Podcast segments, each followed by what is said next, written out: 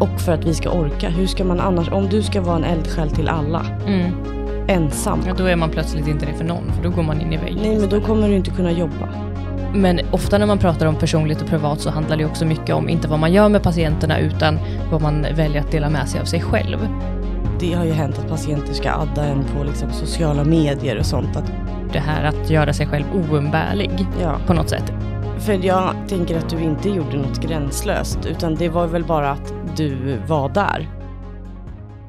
Hej och välkomna till podden Normalt galen! En podd om psykiatri och allt mellan himmel och jord. Det är jag som är Emma. Och det är jag som är Rebecka. Och eh, vi har inte poddat på ett tag. Nej. Nu är vi äntligen tillbaka. Ja, vi har haft en lite längre paus återigen. Och ännu en gång så måste vi skylla på våra studier. Mm. Eh, men vi har ju... ehm, Eh, bo, vi båda i en lite mer intensiv period av plugget. Eller den, eh, för min del så är det väl den enda perioden som har känts lite... Det här kanske låter skrytigt, men det, alla eh, har ju eh, förhållit sig till olika till att plugga. Och för min del så har jag tyckt att den här... Eh, jag läser ju specialistutbildningen då i psykiatri, alltså specialistsjuksköterskeutbildningen i psykiatri. Och håller på att skriva uppsatsen nu. Och nu är väl första gången som jag känner att man ändå har behövt lägga en del tid på plugget. Ja, och utöver det... det I jämförelse med tid- tidigare under Exakt. utbildningen. Liksom. Och i, vad heter det? Också med hur mycket tid du har fått. Var, alltså, förut kanske det, man känner att du har ju fått ledigt en dag i veckan, att det har räckt. Men nu när du har skrivit uppsats, för det kommer jag ihåg, då kände man att det var första gången man kände så här, det kanske inte är tillräckligt. Att man har fått sitta på kvällar och helger lite mera. Ja, för man har ju ändå andra saker att göra i livet också. Exakt. Ehm, men det går bra eh, faktiskt. Jag har, eh, vi har skickat in våran eh, slutgiltiga version, eller ja, den kommer ju eh, att filas till lite efter att man får kommentarer från examinator och sådär. Men vi har i alla fall, eh, den är liksom färdig så sett, alla delar. Skickat in, ska ha examinationsseminarium och opponera nu på onsdag. Idag är det söndag. Eh, och jag tror att det kommer gå bra. Det känns som, man kanske inte ska vara för kaxig. Jag får klippa bort det här om vi har hunnit ha examinationsseminariet Nej, men- nej. innan det släpps. Det kommer gå bra. Jag tror det- det också. Det kändes också som, eller så var det i alla fall när jag hade, när man hade gjort klart uppsatsen och så. Jag lyckas fortfarande känna att jag, det tog ett tag innan jag kunde titta på den igen, bara alltså när man väl var klar. För att det var så intensivt just den, och då, då handlade det kanske om typ så en och en halv månad där man verkligen kände så här, nu måste den bli klar, nu ska jag göra det här. Och sen efteråt så tänker man, var det så jobbigt? Eller förstår du vad jag tänker? Ja, alltså vi, Jobbigt, vi men- började ju innan sommaren Ja, eh, med att utforma själva ämnet och skriva bakgrund och sådär. Eh, men vi hade ju inte valt, vi gör en litteraturstudie då, vi hade inte valt våra artiklar som vi skulle ha med eller gjort någon liksom sökning. Eh, utan, eller nu, nu ljög jag, det hade vi visst gjort. Vi hade ju, eh, vi hade hittat massa artiklar men vi hade inte gått igenom dem och kvalitetsgranskat för att verkligen bestämma oss för exakt vilka vi skulle ha med. Utan det gjorde vi inte förrän nu efter sommaren och plötsligt, jag har ju haft i mitt huvud hela tiden här att när man tittar på när den ska vara klar så är det november, så jag har hela tiden haft typ november i mitt huvud. ja, ja. Och liksom på något sätt inte tänkt på att det är ganska lång tid innan den faktiskt ska vara klar. Ja, det, alltså precis. För, för det är ju sen att typ kursen är slut i november. Mm. Så då blev jag lite stressade, jag och min skrivpartner. Men det har gått. Det har gått Jag tror bra. att det kommer gå super på onsdag. Men jag tänker att de som lyssnar kanske undrar vad du har skrivit om. Det är ändå intressant. Eh, vi skriver om eh, patienters upplevelse av tvångsvård. Nu blir jag lite nervös, för tänk om folk vill läsa den sen. Jag vill inte att de Den, ska det. den kommer ju finnas till Nej. att läsa. Nej, men, måste du säga det? Alla kanske inte vet. jo, nej, men vi har skrivit om patienters upplevelse av tvångsvård och det är som sagt en litteraturstudie, så det innebär att vi då sammanfattar tidigare studier på detta ämnet, Ja, helt precis. enkelt. Eh, och det är ett ämne som ligger mig väldigt varmt om hjärtat, vilket ju gör att den inte har varit så jobbig att skriva på det sättet, även om uppsatser alltid är lite jobbiga. Liksom. Men det är ju eh, underlätta om det faktiskt är ett ämne som man tycker är intressant. Det är, faktiskt, det är faktiskt väldigt viktigt att punktera. Det säger jag alltid när vi har eh, sjuksköterskestudenter. Som, då ska man ju skriva en kandidatuppsats när, de, eh, när man går eh, typ termin fem är det va. Men de, de flesta som gör sin VFU hos oss är ju termin fyra. Så då är de ju ändå i lite så här ropet och de ska börja fundera och hit och dit. Då brukar jag alltid säga så här. Ta något ni tycker är intressant. Så kommer det bli lättare. Ja, Och inte för stort. Men jag menar mer att jag skrev också min eh, magisteruppsats om något som ligger mig väldigt varmt om hjärtat. Alltså nämligen eh, patienter med emotionell instabilitet. Och det, det var ju absolut, som du säger, att man ska skriva själva grejen, man ska ha allt. Men själva läsandet i artiklar var liksom, jag tyckte verkligen att det var intressant. Att säga, ja ah, just det, och sen att man lär, alltså det har jag fortfarande, att jag har lärt mig mest. Liksom på hela specialistutbildningen så lärde jag mig mest när jag skrev min uppsats. För att jag tog något jag faktiskt tyckte var jätteintressant också. Ja, verkligen. Alltså på grundutbildningen när man skriver kandidatuppsatsen, eh, jag brukar säga samma som du, men kanske, jag brukar också lägga till att ta ett ämne där det finns mycket tidigare Ja. forskning. Alltså där skriver ju alla litteratur, eh, Översikter. översikter, Mm. medan på eh, avancerad nivå så är det ju vissa som gör egna empiriska studier. Eh, men om du ska göra en litteraturstudie så underlättar det ju väldigt mycket om det är ett ämne som det finns mycket skrivet på. Även om man kanske har valt en vinkling då, typ där det inte finns så mycket forskning, då kan man argumentera för att, för att det behövs mer forskning. Men det är bra om det finns mycket bakgrundsinformation ändå, och, eh, i form av böcker eller vad det nu kan vara. Ja. Så något det finns mycket forskning på och eh, som du åtminstone inte tycker är tråkigt. Nej, det är sant. Okej, nu eh, Ja, nej, svävade in precis, på det här verkligen. jättemycket. Det var Men det, jag meningen. tänker ändå att folk är intresserade av vad du skrev om. Så det var viktigt. Ändå. Ja, jo, men det är väl sant. Ehm, ja, så eh, för att återkomma till det vi egentligen började prata om så är det därför som det Ja, här glappet har blivit så himla långt. Ja, jag och tänker eh, så, någonting som vi har hunnit göra mer sen vi hördes senast, som vi pratade om att vi skulle göra, men nu har gjort, Mm. Ja. är ju att vi har sprungit Mental Health Run. Just det, precis.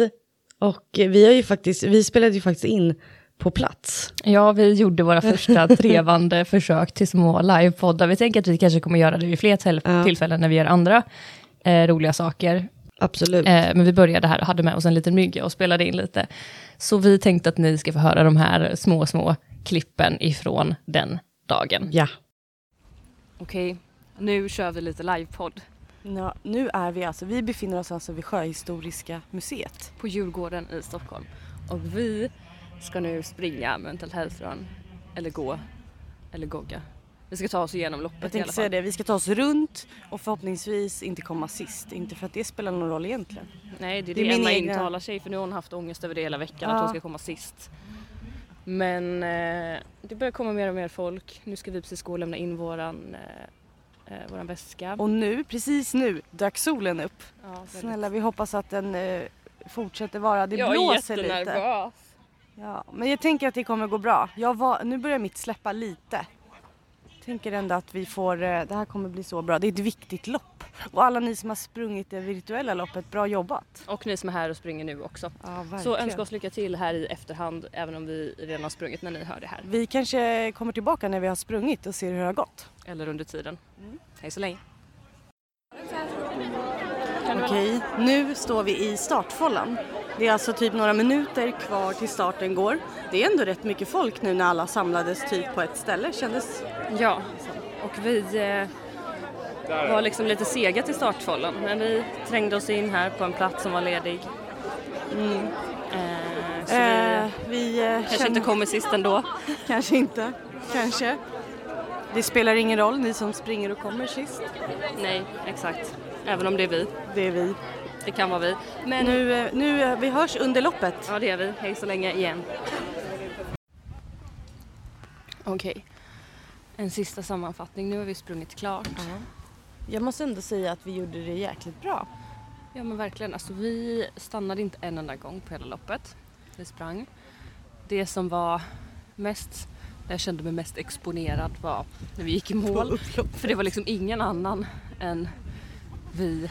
Det var ingen skock. Det var ingen skock alls. Det var inte ens en skock relativt i närheten utan det var, Nej, det var vi vi och typ och en alla till som stirrade på oss. spurtade förbi oss. ja precis, En flicka. en flicka, ja precis, en liten flicka. Eh, så hon var väldigt duktig. Mm. Men eh, nu har vi kylt ner oss lite, samlat oss.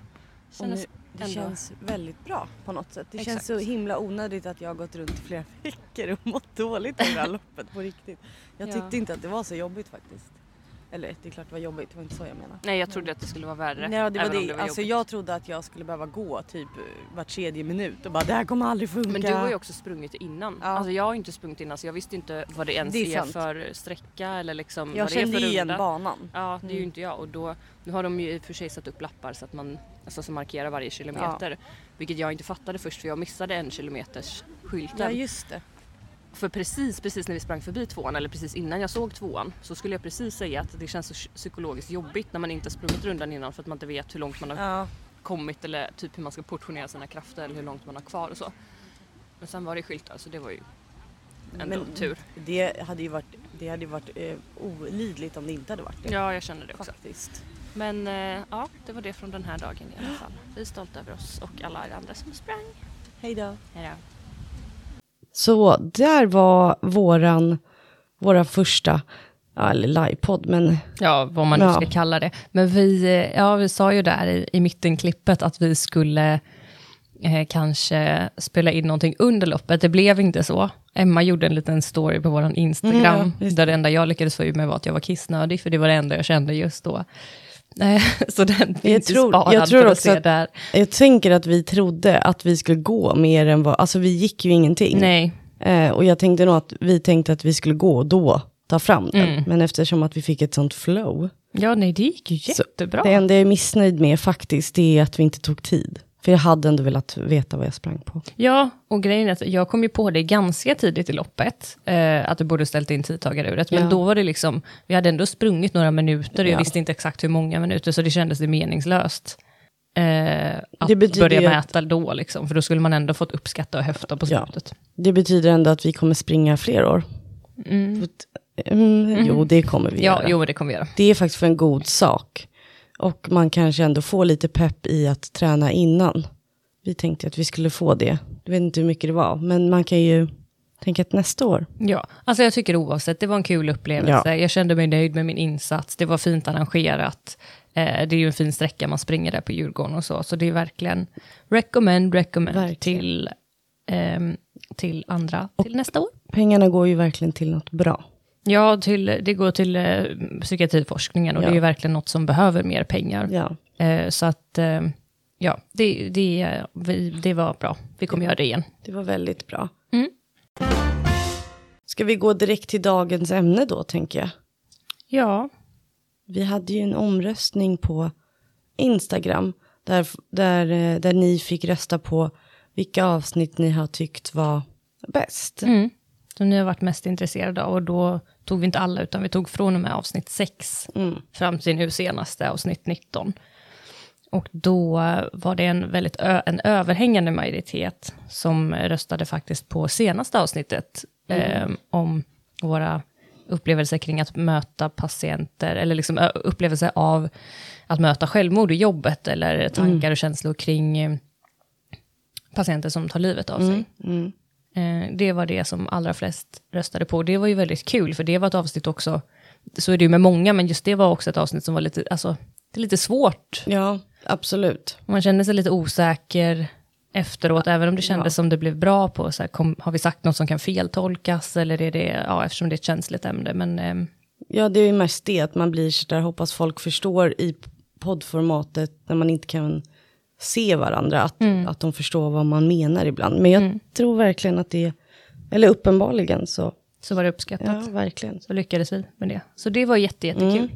Ehm, och sen så hade vi nummer två, så var vårt, ja, det första av de avsnitten som var med i omröstningen, alltså avsnitt nummer sex, så det är ju länge sedan, vårt mm. Ja. tvångsvårdsavsnitt, eh, var det som fick näst flest röster. Och det var ju också väldigt kul, för det var ju det första avsnittet som vi var riktigt nöjda med egentligen. Ja. Så det var ju också kul att det fortfarande står sig.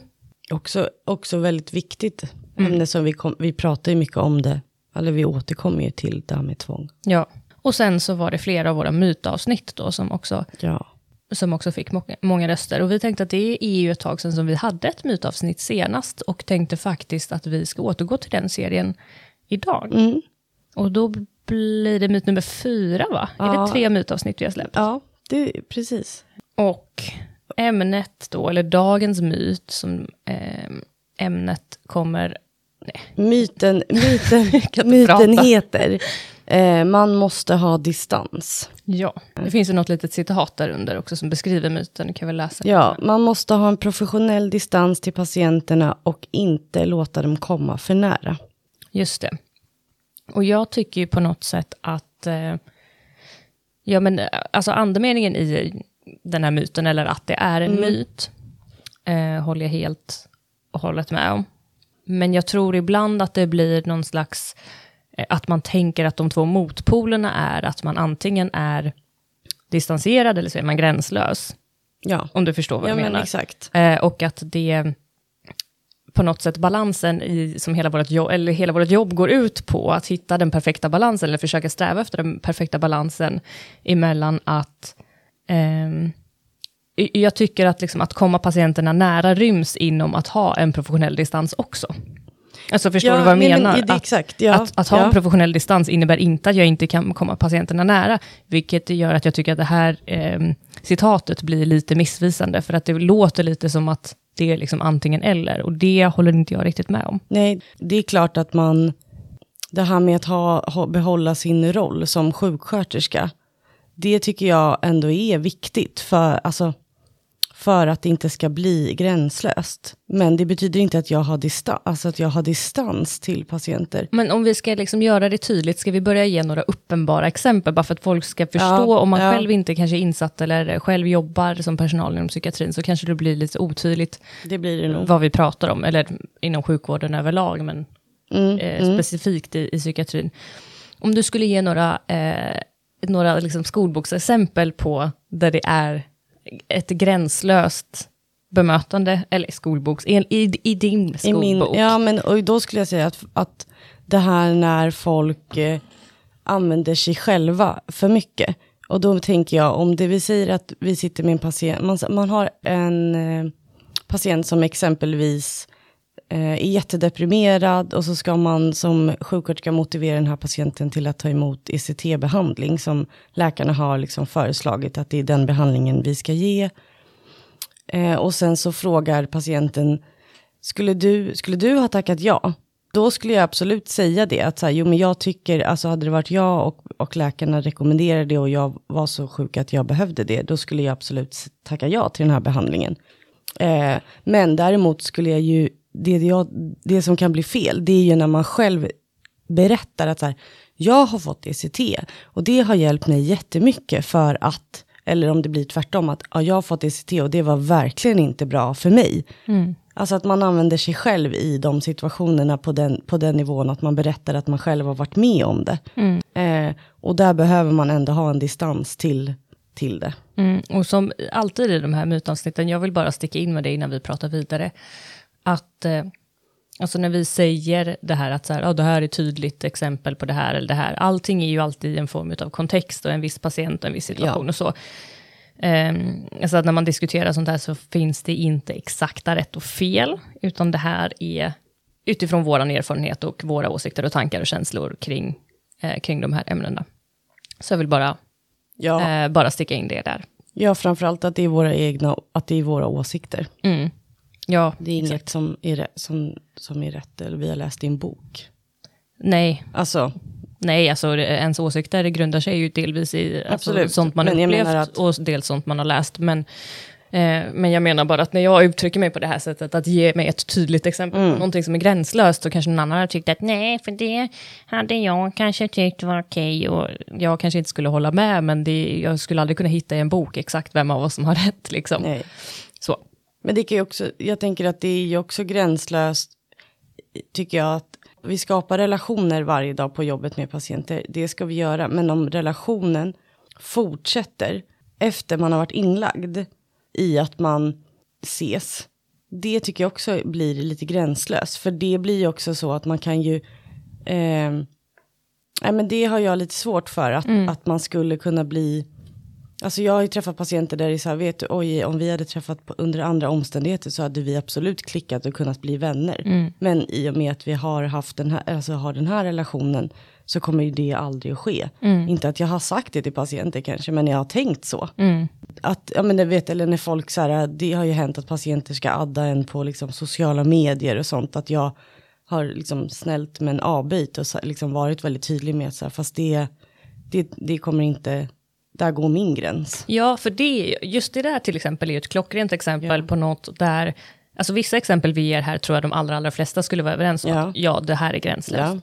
Ja. Eh, Men typ det här med kontakt på sociala medier och sånt, den har jag upplevt allt mer kanske är lite av en... Alltså min erfarenhet är nog att de flesta inte tycker att det är okej och tycker att det är, är, är liksom gränslöst. Men jag har ändå fått uppfattningen av att det är lite mer av en vattendelare än vad jag tidigare trodde. Alltså att det ja. ändå är... Alltså, jag vet ju att det är folk som verkligen inte håller med mig i den frågan. Ja, men det är det jag Absolut. menar. Där är ett exempel på sånt som inte kanske är lika tydligt eh, vad folk tycker är gränslöst eller inte. Nej. Eh, och kan tycka kanske att ja, men det är okej att vara vänner på Facebook, typ, men vi pratar ju inte, eller vad det nu kan vara, eller att ja, nej men eh, hon frågar hur jag mår ibland, och jag frågar hur hon mår ibland, och det är inget konstigt med det, typ, men att jag aldrig skulle göra det.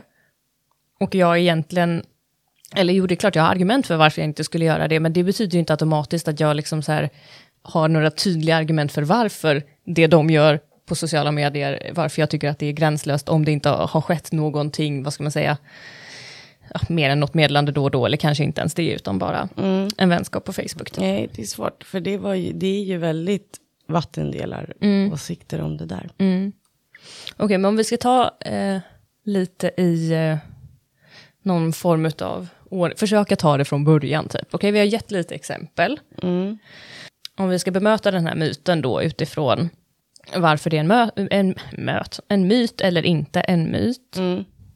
Då är det ju som sagt det här med vad är, eh, vad är att vara distanserad?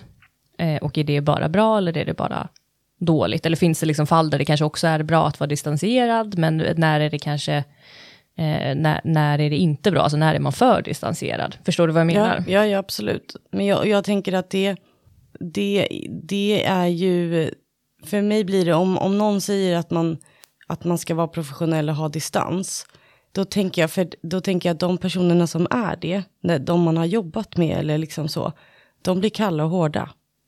I att man inte kan, man, man, man kan inte se till att vissa grejer är så här, ja men som ett exempel så är det om man nu eh, sitter, eh, det sitter folk och pärlar hos oss ibland. Och sen så går man dit och sätter sig och Alltså pärlar. typ gör armband Alltså, ja, exakt. med pärlor. Precis, alltså så som en aktivitet liksom. Och så, så går man dit och sätter sig och, och pärlar. För att, och det är ju inte så här, det är inte så att jag personligen kanske tycker så här kul att pärla på min arbetstid. Alltså det är ju oftast ett syfte i att man vill sätta sig där, få en relation. Eh, det är lättare att prata med folk eller liksom de här små grejerna. Det är ändå en ganska avväpnande aktivitet. Ja, men och som skapar en relation också i att jag kan också sitta där och pärla och inte bara sitta och titta på dem, typ så. Eh, och sånt vet jag ju att folk tycker, det, det kan ju också vara en sån grej som jag har faktiskt blivit bemött, eller spela pingis, eller spela kort, eller vad det kan vara, liksom. Att det har ju jag fått argumentera väldigt mycket för genom åren faktiskt, varför jag gör det. För att jag har fått väldigt mycket frågor i att de tycker att det är oprofessionellt att jag går och sätter mig och gör det. Eh, och då menar jag på, alltså så här, för- att då, då brukar det vara så här, ja men för att man ska vara professionell och man ska ha en distans eller liksom så. Medan jag är så här, ja fast jag skapar ju en relation för att vi sitter där. Och jag tycker inte att det blir gränslöst. Ja, det hade varit gränslöst om jag bara hade gått dit, skitit i allt annat jobb, bara för att jag ville pärla. Och vara kompis med dem som sitter där. Då blir det ju gränslöst att prata om mina killproblem samtidigt som de gör det. Men alltså då, det är det jag menar, jag, det, det finns ju en skillnad på, det finns ett syfte. Men det finns, också, det finns också så att de kan ju prata om sånt som jag aldrig skulle svara på. Eller jag, ska, jag skulle kunna svara lite fl- flytande, men jag skulle aldrig svara typ saker om, om min relation när de pratar om sin relation. Alltså förstår du vad jag menar? Ja, för det där är ju en, en klassiker som väl alla har hört någon gång, även i andra sammanhang, eh, eller all, andra typer av jobb, det här med att vara personlig men inte privat. Och det finns ju såklart ingen som kan svara exakt på vad som ryms inom det, Nej. vilket ju också är problemet lite med att diskutera detta, därför att det, än en gång så kan det variera lite från person till person, och från situation till situation. Alltså det finns ju vissa saker som jag skulle kunna säga till en patient utan att, eh, eller göra med en viss patient utan att känna att det skulle att jag skulle själv känna att, nej men gud Rebecka, det här var kanske lite gränslöst. Mm. Medan om jag skulle göra det med en annan patient så skulle jag absolut ja. inte känna likadant. Um, och det där är ju bara sånt där som man inte riktigt kan ta på. Men ofta när man pratar om personligt och privat så handlar det också mycket om, inte vad man gör med patienterna, utan vad man väljer att dela med sig av sig själv. Mm. Eh, typ om, om, patienterna ställer frågor till en om en, eller som det här exemplet du gav med ECT exempelvis. Att det då blir en skillnad på något sätt i att ja, men jag kan vara personlig på det sättet att jag väljer att absolut svara på att jag skulle vilja ha ECT. Mm. Eh, eller kanske till och med att jag kan gå så långt att jag nämner att jag har sagt till, mina, eh, till, till folk i min närhet att skulle jag vara så sjuk att jag liksom behöver ECT men inte kan medverka, inte vill medverka eller något, så vill jag att ni ska försöka övertala mig till exempel.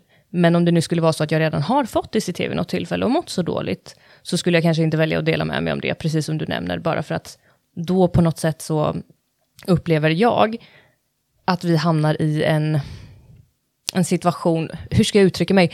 Jag hamnade i en situation där det finns risk att fokus skiftar för mycket till mig och mina erfarenheter ja. på ett sätt som inte bara är konstruktivt för patientens skull, utan att det blir någon slags förskjutning i, i fokus från patientens mm. behov, om du förstår vad ja, jag menar. Ja, så. ja, och att det blir att samtalet, det kommer ju handla mer om dig än patientens eh, frågor kring ECT.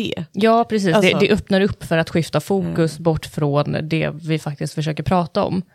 Eh, ja. Medan om jag liksom talar om att jo, men jag skulle absolut vilja ha ECT om jag behövde det, då är det fortfarande en form av, liksom, en del av motiveringen till patienten, ja. att, att eh, inte tycka att det är lika skrämmande kanske, medan det andra automatiskt blir på något sätt till att titta hur väl jag kan förstå dig, för jag har också mått dåligt, typ. Ja, och att det alltid är, för det är det som, det är, om jag tänker att motpolen då till att, det ska, att den här distansen, om man nu tänker att distans är bra, då tänker man ju direkt att motpolen blir att så fort du säger någonting lite personligt eller lite, liksom, det blir ju gränslöst. Men det är där det är så viktigt tycker jag att veta, vad blir gränslöst och vad blir inte gränslöst? För att det är ju någonstans emellan man vill vara. Ja, alltså vissa personer upplever jag, eller vet jag, eh, även om de kanske inte skulle uttrycka det så själva, de anser ju att allting som är minsta personligt ja. automatiskt är privat. Exakt. Eh, och det är ju såklart ett val som de själva får göra. Eh, det är ingen som kan tvinga dem till att dela med sig av någonting personligt om sig själv eller sin eh,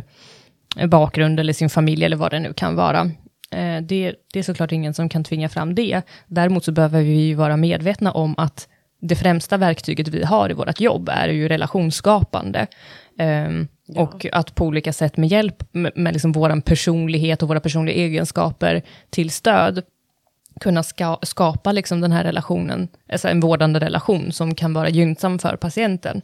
Uh, och jag personligen tror att det är väldigt, väldigt svårt att göra det utan att ge någon form av del av sin egen person eller historia eller vad det nu än kan vara. Och det behöver liksom inte vara det djupa saker. Nej, eh, utan det kan vara små vara... saker som på något sätt också Ja, jag hejar också på Hammarby. Eller alltså, förstår du det? Eller vad det nu kan vara. Ja, men saker som på vara... något sätt betonar också eh, alltså en vårdrelation är ju aldrig jämlik, som vi har varit inne på mm. förut, utan Nej. personalen har all, alltid övertaget. Men man kan fortfarande göra små saker för att jämna ut den här ojämlikheten lite grann. Visa sig mänsklig på ett sätt som inte blir gränslöst. Ja, för att eh, någonstans så Eh, man, man, pratar ju ofta om det här att ja, men det, finns, det finns friska sidor hos alla personer, hos alla patienter, eh, och det kan vara en mindre eller en större utmaning att liksom hitta dem och försöka liksom, eh, använda dem. sig av ja. dem och bygga på dem och, och så. Eh, och ett sätt tycker jag också är många gånger att, ja, men att faktiskt också dela med sig på olika sätt av sig själv och sitt eget liv, för att man hittar på något sätt en mer ja, men, no någonting gemensamt har man alltid. Alltså det, det, behöver liksom inte vara stora saker, det kan vara det lilla i vad, vad vet jag, vad man gillar för film eller vad man, ja, men sådana ja. där saker som... Eh, som man kan tycka trivialt i vardagen, mm. alltså i, i, utanför jobbet, men som faktiskt kan vara väldigt betydelsefullt i vårt jobb. Verkligen. Att hitta de små grejerna. Mm. Men det är därför jag tänker, när jag sitter och funderar, så tänker jag ju att, att myten att, ha, att man måste ha distans, den, alltså, den håller jag verkligen inte med alltså, så Det behöver man inte ha. Men däremot så, så tänker jag istället för att man ska säga distans, för det är på något sätt, det är ju negativt och det tycker jag inte att man ska ha. Däremot måste man, för sig själv också, dels måste man vara rätt eh, inställd på sig själv, att så här, vad vill jag, hur, hur långt, vad kan jag dela med mig av mig själv, för att själv veta att så här, här går gränsen till att nu blir jag alldeles för personlig och det kommer handla om mig. Som du säger, att man vet vad skiftet, så här, om jag säger det här, men om jag fortsätter på storyn lite till, då mm. skiftas då, alltså fokus på patienten till mig. Mm. Och det ska man inte göra. Plus att det blir lite så här, vad är syftet? Mm. Alltså syftet som vi har är ju att vårda patienterna och att de ska må bra, eller bli bra. Eh, och då tänker jag att det finns inget syfte i att berätta att jag har fått ECT. Men däremot finns det ett syfte att berätta att jag skulle ta emot ECT. Som du säger, ett motiverande samtal. Mm. Det finns inget syfte att jag ska eh, sitta och prata om mina killproblem med patienterna. Men det, kan, det, finns ju faktiskt ett syfte kanske i att jag ska lyssna mm. och sitta och pärla samtidigt. Alltså att man måste hitta det, det, att man måste kunna vara professionell i sin roll, men det betyder inte att personlig, sin egen personlighet dör ut. Nej, alltså, sen, jag tänker ju att det skulle säkert finnas eh, Eh, eller jag vet att det skulle finnas personer som skulle kunna argumentera till exempel för att även det här att öppna upp sig om att ja, men jag har också fått ICT, om vi återgår till det exemplet, skulle tycka att det var okej okay, och att syftet då skulle vara eh, ja, men att patienten i det här fallet då känner, ja, men som sagt verkligen att ja, men Emma förstår verkligen mig för hon har varit i den här situationen. Eh, och jag tänker att problemet delvis kan bli att det är ju inte säkert att man exakt förstår varandra precis bara för att man har varit med om samma sak. Eh, alltså alla våra situationer ser ju liksom inte likadana ut. Eh, så det är den ena saken. Den andra saken är att även om det skulle kunna vara så att patienten tolkar det på det sättet, så vet jag att det också finns patienter som skulle istället tolka det som att det känns otryggt på något sätt, bara för att, ja men, alltså, självstigma är ju också en sak, om du förstår mm, vad jag menar, mm, i mm. att bara för att du eh, sitter här nu och är på jobbet och liksom är min sjuksköterska, eh, så vet jag också, för det här har jag ju pratat själv med patienter om också, och även liksom, ja men faktiskt nu även till uppsatsen här, man läst vissa uppsat, eh, det, artiklar och sådär, när patienter berättar om att något de värdesätter till exempel hos personal i, att de själva ja, men utstrålar, vad, vad ska man nu säga, ja, men typ psykisk stabilitet. typ. Mm, mm. Och där är ju också en sån grej där det eh, skulle kunna tolkas av patienten som att, ja men lite att man ifrågasätter din, även om jag inte vet om det här var liksom två år sedan eller 15 år sedan, så, så kan det skapa fortfarande också en känsla hos patienten av att du ska ta hand om mig, men du har själv mått lika dåligt som jag. Förstår du vad jag menar? Ja, ja, ja. Att, att jag kan inte veta hur det här tas emot av patienten. Nej. Patienten kanske tycker att det är jättepositivt, men patienten kan också tycka att det känns otryggt. Ja, ja jag, jag tänker just det här att, alltså det är ju samma sak som man det här med att säga att jag förstår till patienten. Jag har ju varit med om patienter som har blivit arga på mig mm. när jag har uttryckt mig så. Mm. Att de, de har på riktigt blivit arga och bara, har du varit med om det här själv? Och eh, hur kan du veta? Eller hur kan du ens säga att du förstår? Alltså det är lite samma sak, att, så här, att jag undviker att säga det ordet jag förstår. Mm. För att jag gör ju faktiskt inte det. Även om jag har läst alla böcker, jag har läst massa artiklar, jag vet vad forskningen säger. Mm. Men din upplevelse kan jag inte förstå. Däremot kan jag se att du har det tufft. Alltså, eh, liksom. Nej, och jag, det finns ju vissa saker ibland som patienter som kan beskriva. Eh, eller saker som patienter eh, kanske berättar för mig där jag faktiskt har varit med om liknande saker. Men jag uttrycker mig inte på det sättet Nej. ändå, att jag förstår. Ett, för att det kan jag inte veta, för att vi alla tolkar saker utifrån vår egen, egen livsvärld, om vi ska använda ett eh, omvårdnadsbegrepp. Mm.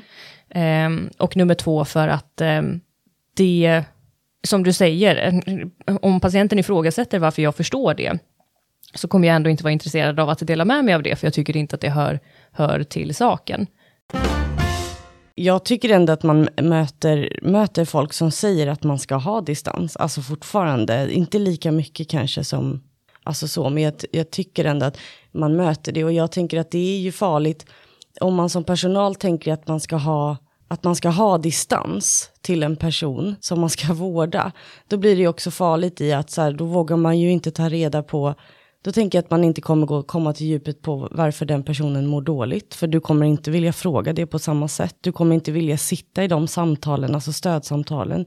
Du kommer inte Eh, du kommer inte kunna göra en individuell vårdplan för du kommer göra en liten allmän för att du, du har inte penetrerat det hos den här personen. Ja, och så gömmer man sig bakom, Bakom att man ska vara att man ska att man- distanserad eller hålla en professionell exakt. distans. Och därför tänker jag att, att eh, just att, det är en, alltså att de tar upp att det är en myt är ju bra. Däremot får man inte glömma bort att man, alltså det här med att vara professionell, för det tycker jag i så fall är en viktigare aspekt i det. Att man faktiskt, att man kan behålla sin professionalitet men fortfarande bli engagerad, berörd. Ja men det här vi har pratat om förut, det här lilla extra att så här, ja det var inte rökning nu men den här personen ser vi verkligen, jag ser att den personen mår dåligt och jag vet att det som hjälper väldigt mycket är att få gå ut och röka. Ja men då låter jag ju den, såklart om personen får gå ut, men jag menar då går vi och röker med den fast det inte är röktid. Alltså sånt, och det, det är ju, det är ju inte så att jag är gränslöst. Jag vet ju att det gynnar patientens mående i sitt eget. Att, och där är jag ju också professionell. Jag, jag tänker att det är det. Men det är väl det som är kärnan i det hela, att alla Ja. är väl överens om att man ska vara professionell. Men, Men- frågan är ju vad som ryms inom Ja, att det- vara exakt. professionell. Men om jag tänker att om vi vänder på det lite då, vi, vi, pratar ju, vi nämner ju återkommande det här med liksom att vara gränslös och vara gränslös. På vilket sätt, eh, alltså för å ena sidan, Å ena sidan så, så nämner vi att det finns saker i det som en del skulle anse då vara gränslöst, som kan gynna patienten för att det blir en mer personcentrerad vård. Eh, det är vi överens om. Ja. På vilka sätt skulle det kunna vara liksom, patienten till skada att vara lite för gränslös och göra lite för mycket? Eller, liksom, vad, eller skada, men vad finns det för risker med det å andra sidan då? Alltså för jag, Ja, men jag sitter, och, jag sitter och blir tyst för att jag funderar. Har vi, det, det var ju, men det, har, ju, det var vi, har vi ju pratat om lite. Att skift, fokuset skiftar. ja, Du menar om du blir för ja, gränslös? ja, det är Alltså, sant, det tänker, har vi delvis pratat om. Eh, det är väl egentligen den främsta grejen också, att det, råkar, att det blir...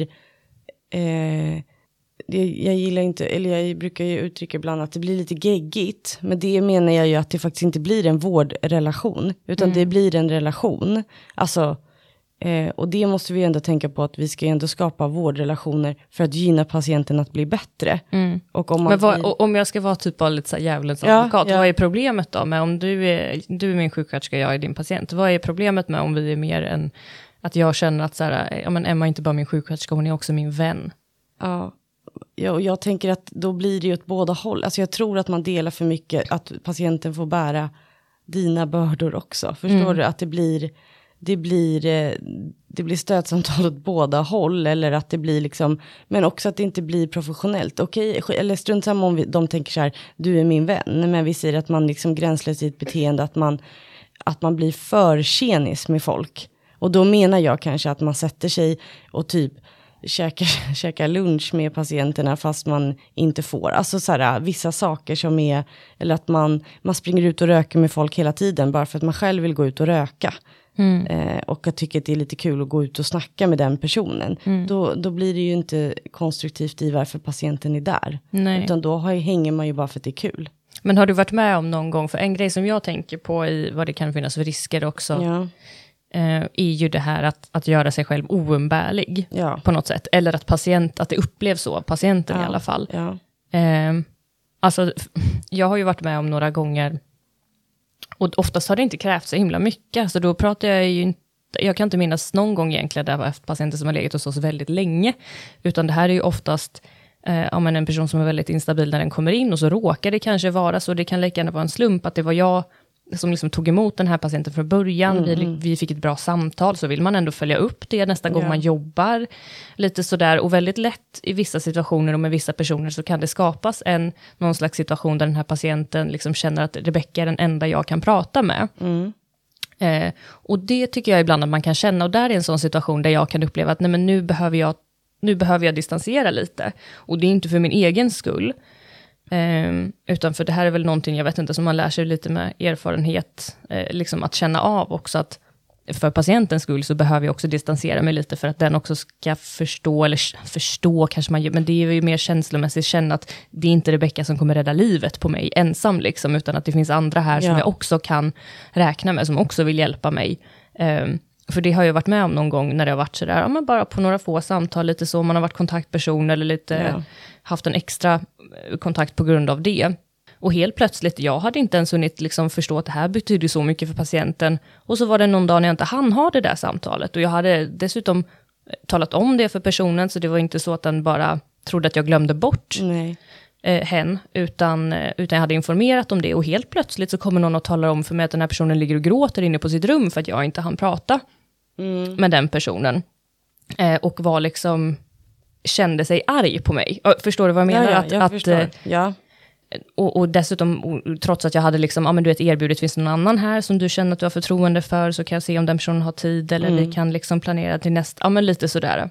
Eh, och det tänker jag ju att det är också någonting som kan bli en risk i att vara lite för, ehm, Alltså jag, jag upplever själv inte att jag var gränslös från början och ändå hamnade vi i den situationen, men jag menar en situation där man eh, kanske behöver känna när det också är dags att ta lite distans, även om man behöver göra det på ett bra sätt. Ja, nu blev det jag- jättelångrandigt. Nej, men men- jag, ja, och jag tänker att det är ju det, för jag tänker att du inte gjorde något gränslöst, utan det var väl bara att du, du var där. Alltså så här när den personen mådde som, som sämst också. Ja. Att, sen är det ju också så i, i som sjuksköterska, in, i alla fall på våran klinik, om du jobbar kväll och helg, då är man ju ensam sjuksköterska, vilket också innebär att om många vill prata med en, så kanske om man har tid, så blir det ju lätt så att man går till sjuksköterskan.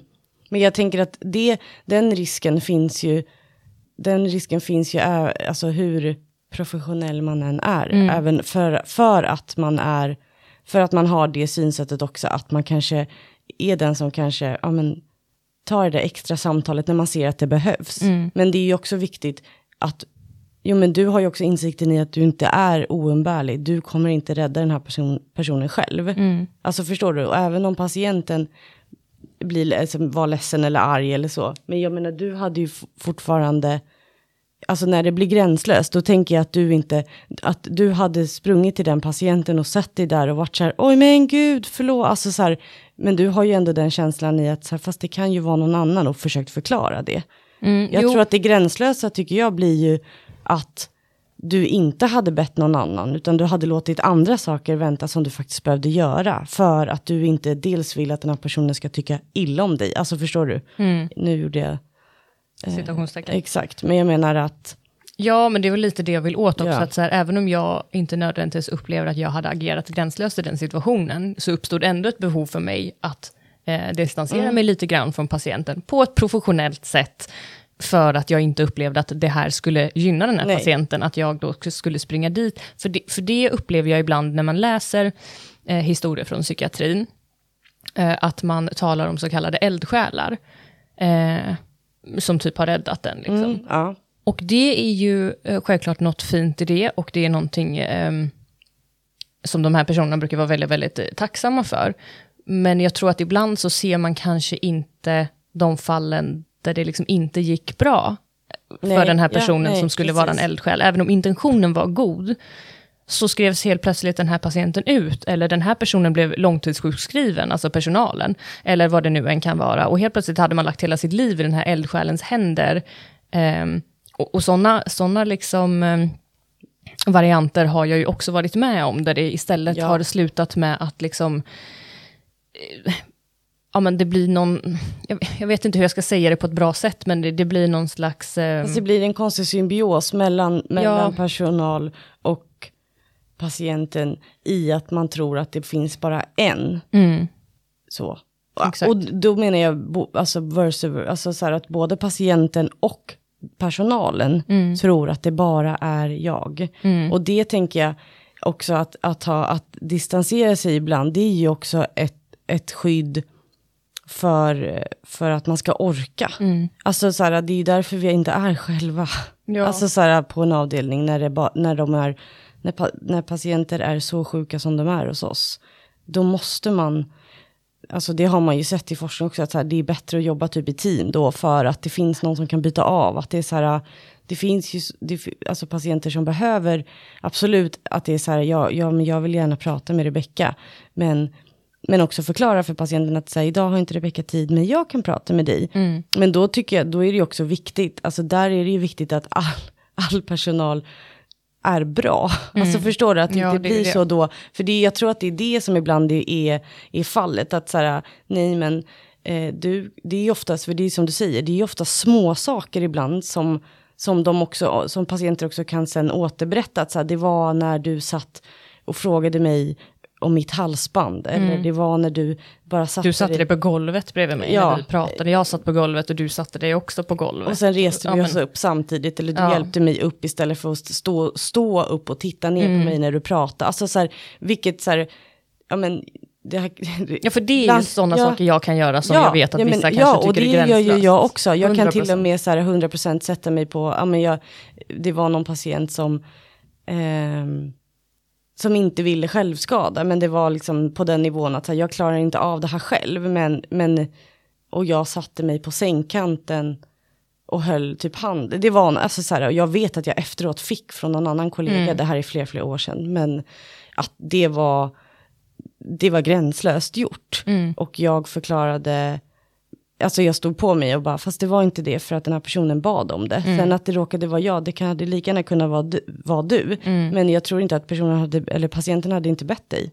Nej. Alltså för du hade ju den attityden, och jag, den, alltså att vi ändå hade den diskussionen.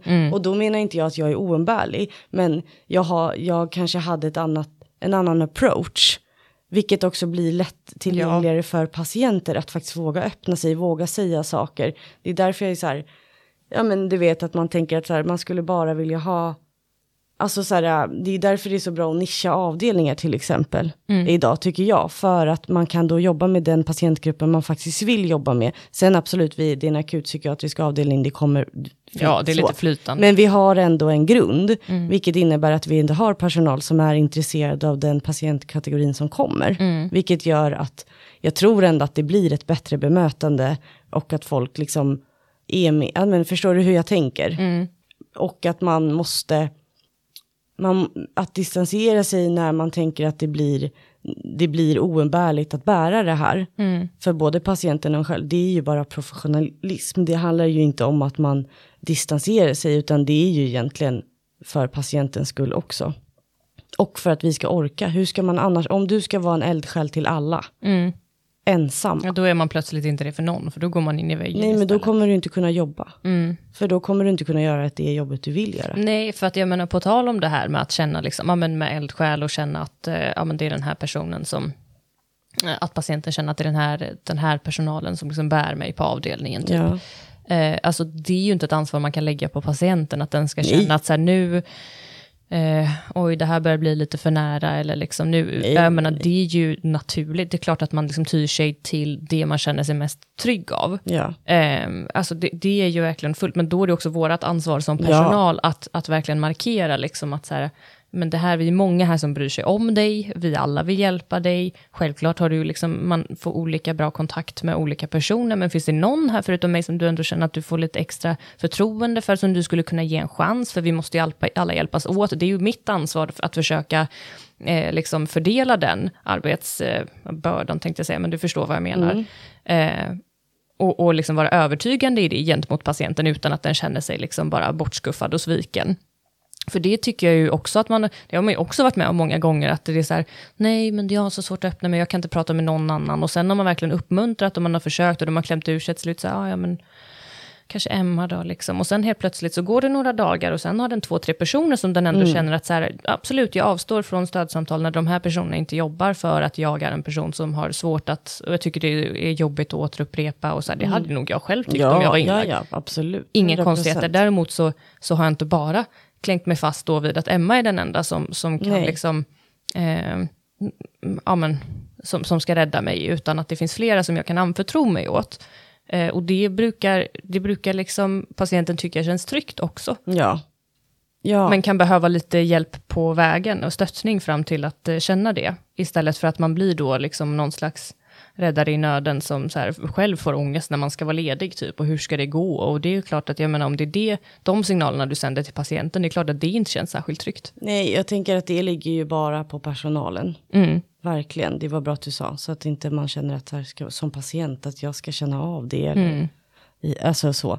Och det är ju det jag, jag önskar ju att alla bemöter folk väl och bra och liksom har den professionalismen och alltså att man kan se att så här, distans, vad, vad, vad, vad är det och när ska jag använda det? För det är klart att ibland måste man backa också Mm. som du berättar.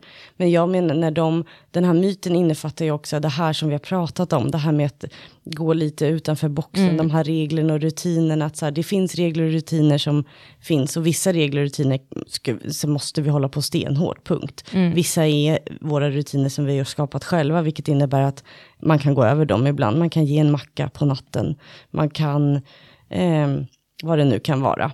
Och det är ju de små grejerna som de också menar på i den här myten, att om man då har, är distanserad, att man, att man inte gör de små sakerna, vilket också leder till att man inte som patient öppnar sig, man, har, man känner inget förtroende, man känner sig nästan, alltså, det- och det är det jag menar, vad gör du här då? Om du har den approachen. Ja, alltså det finns ju till och med, ja, någon studie jag läste här nu med ja, men, vilka faktorer som påverkar hur pass mycket typ tvång en, en Ja. patient upplever. Och då hade de undersökt både med frivilligt vårdade patienter och tvångsvårdade patienter.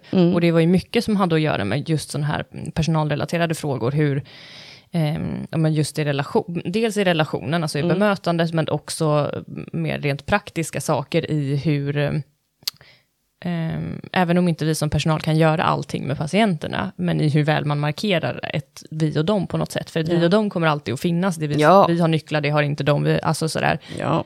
Ehm, m- men det finns saker som man kan göra som tydligare markerar, som liksom skapar en större segregering, eller vad man ska säga, mellan patienter och personal. Och det var ju sådana faktorer som påverkar väldigt mycket i hur hög grad patienterna upplever att bli utsatta för tvång. Alltså även i alltså icke-tvångsåtgärder Ja, ja, ja, pratar jag om, utan det är everyday life på avdelningen. Eh, och sånt så måste man ju vara medveten om. Jag tror tyvärr att, det har vi ju nämnt tidigare också, att vissa sådana här saker, alltså en, en stor del är bara personlig lämplighet och sunt förnuft. Och en viss del är ändå sånt som man också blir mer och mer medveten och ödmjuk inför, tror jag faktiskt, genom att också eh, ja, men, utveckla sin egen kompetens, inte bara på jobbet, utan genom att faktiskt läsa. Alltså det håller jag ju 100% med om. Alltså det här med kompetensutveckling. Alltså för jag vet ju, vet du, erfarenhet är också jättebra. Men, men det är, jag kan ibland tänka så här när folk berättar så här för mig. Eh, det var någon som jag jobbade med som sa så här, ja ah, men den här personen har jobbat som eh, skötare i 30 år. Så så här, ja ah, shit liksom. Ja, men har man då jobbat 30 år med att vara distanserad, då det hjälper inte det mig. Nej, verkligen Alltså så här, det var, för det var, här var en person som jag kände så här, okej, det ger mig inget att den här 30 personen... år för mycket. Alltså typ, ja men det var nästan sån känsla. Och det är det jag menar när så här, erfarenhet är jätteviktigt. Men det krävs ju att man får rätt erfarenhet då, eller att man har rätt approach från början. Och det får man också när man läser. För att jag kan ju uppleva när, Alltså att läsa innebär ju också förhoppningsvis att reflektera och Ja, men koppla det är det jag till, menar, att till man- sin egen erfarenhet. Och det är ju det som gör att man utvecklas. också att man kan koppla, typ om man läser forskning, så kan man koppla till egna, egna liksom fall som man själv har varit med om och tänkt så här, ah, fan jag borde ha gjort så där istället, nästa gång ska jag prova. Så nästa gång provar man och inser, det var, det funkade.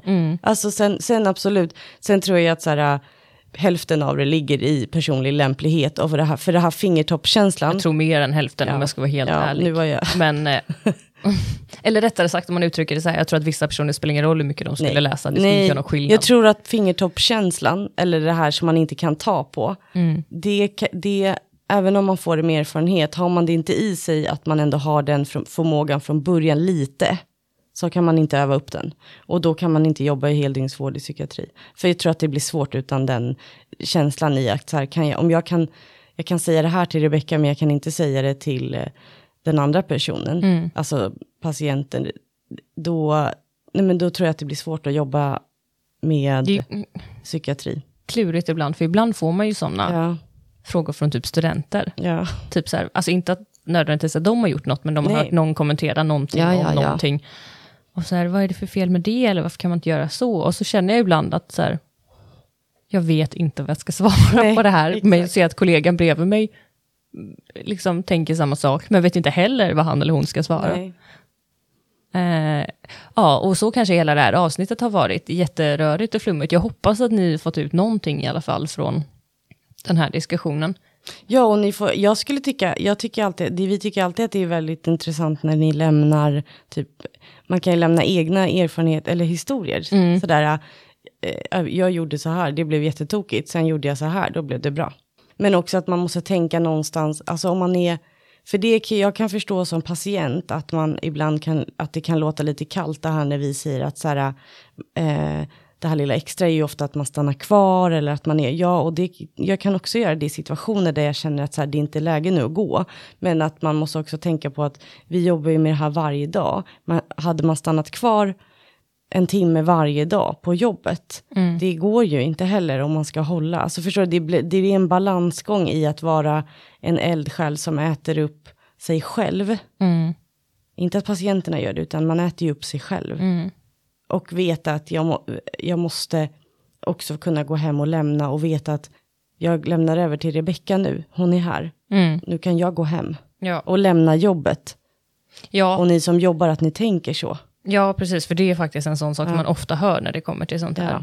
Just det här med det lilla extra. Och ett exempel på det lilla extra är just i många fall det där med att, att, att stanna över lite. Ja, och då tänker jag att det finns så mycket annat man kan göra det lilla extra. Medan den tiden man är där. Ja, och hur man, hur man är. Mm. Och den relationen man skapar mm. är mycket viktigare ibland än den här timmen man ska stanna kvar. Mm. Då är det ju tyvärr så att det kanske är personal som byter av som folk inte tycker är bra. Mm.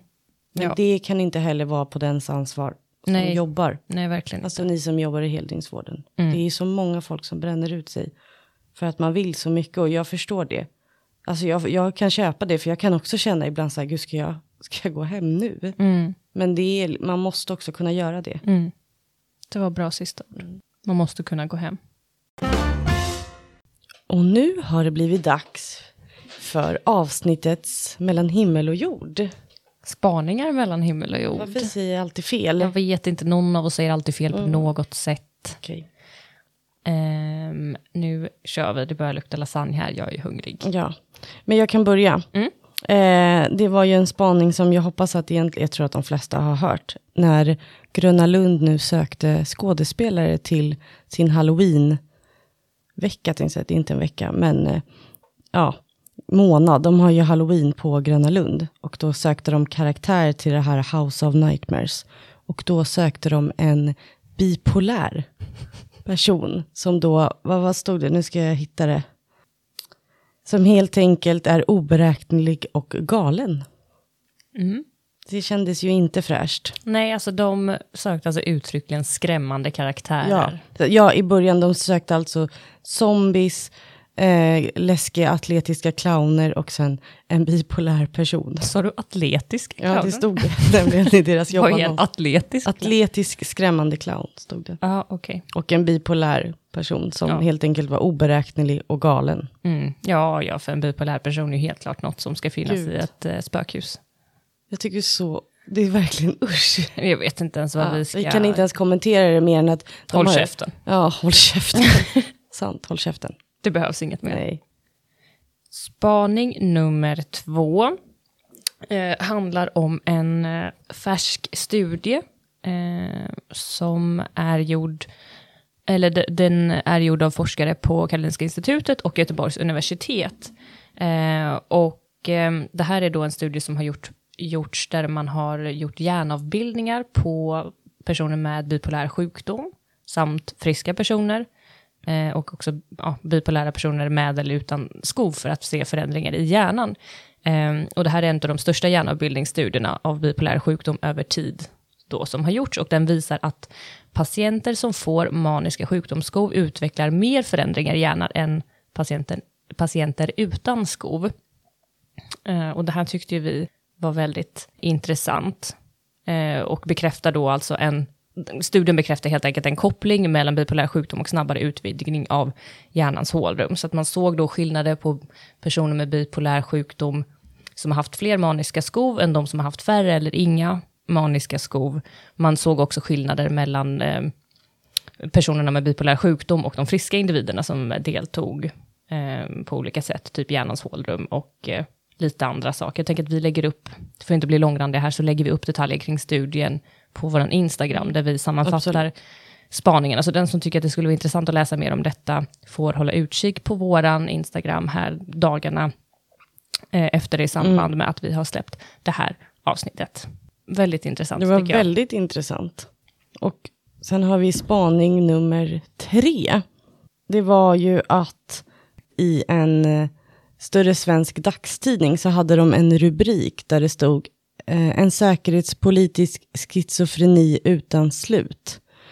Eh, och den här spaningen är då att de bygger felaktig uppfattning på att schizofreni, de blandar ihop det med personlighetsklyvning Mm. eh, framförallt. Och att journalister får verkligen smäll på fingrarna, för det är verkligen något de gillar att ta till. Som vi har pratat Schizofreni-ordet. om i, vårat, i flera avsnitt, men Ja. framförallt i vårat, där vi diskuterade just sådana här saker, avsnitt, minns inte vilket det var, men Nej. ni hittar om ni letar. Men Det just, men just det här att ännu en gång, att det fortfarande är PK, att man avsiktligt väljer, man tycker att det är ett effektfullt uttryck att välja framför alla andra möjliga ambivalens eller vad man nu skulle kunna välja. Exakt. Istället så väljer man schizofreni gång på gång på gång.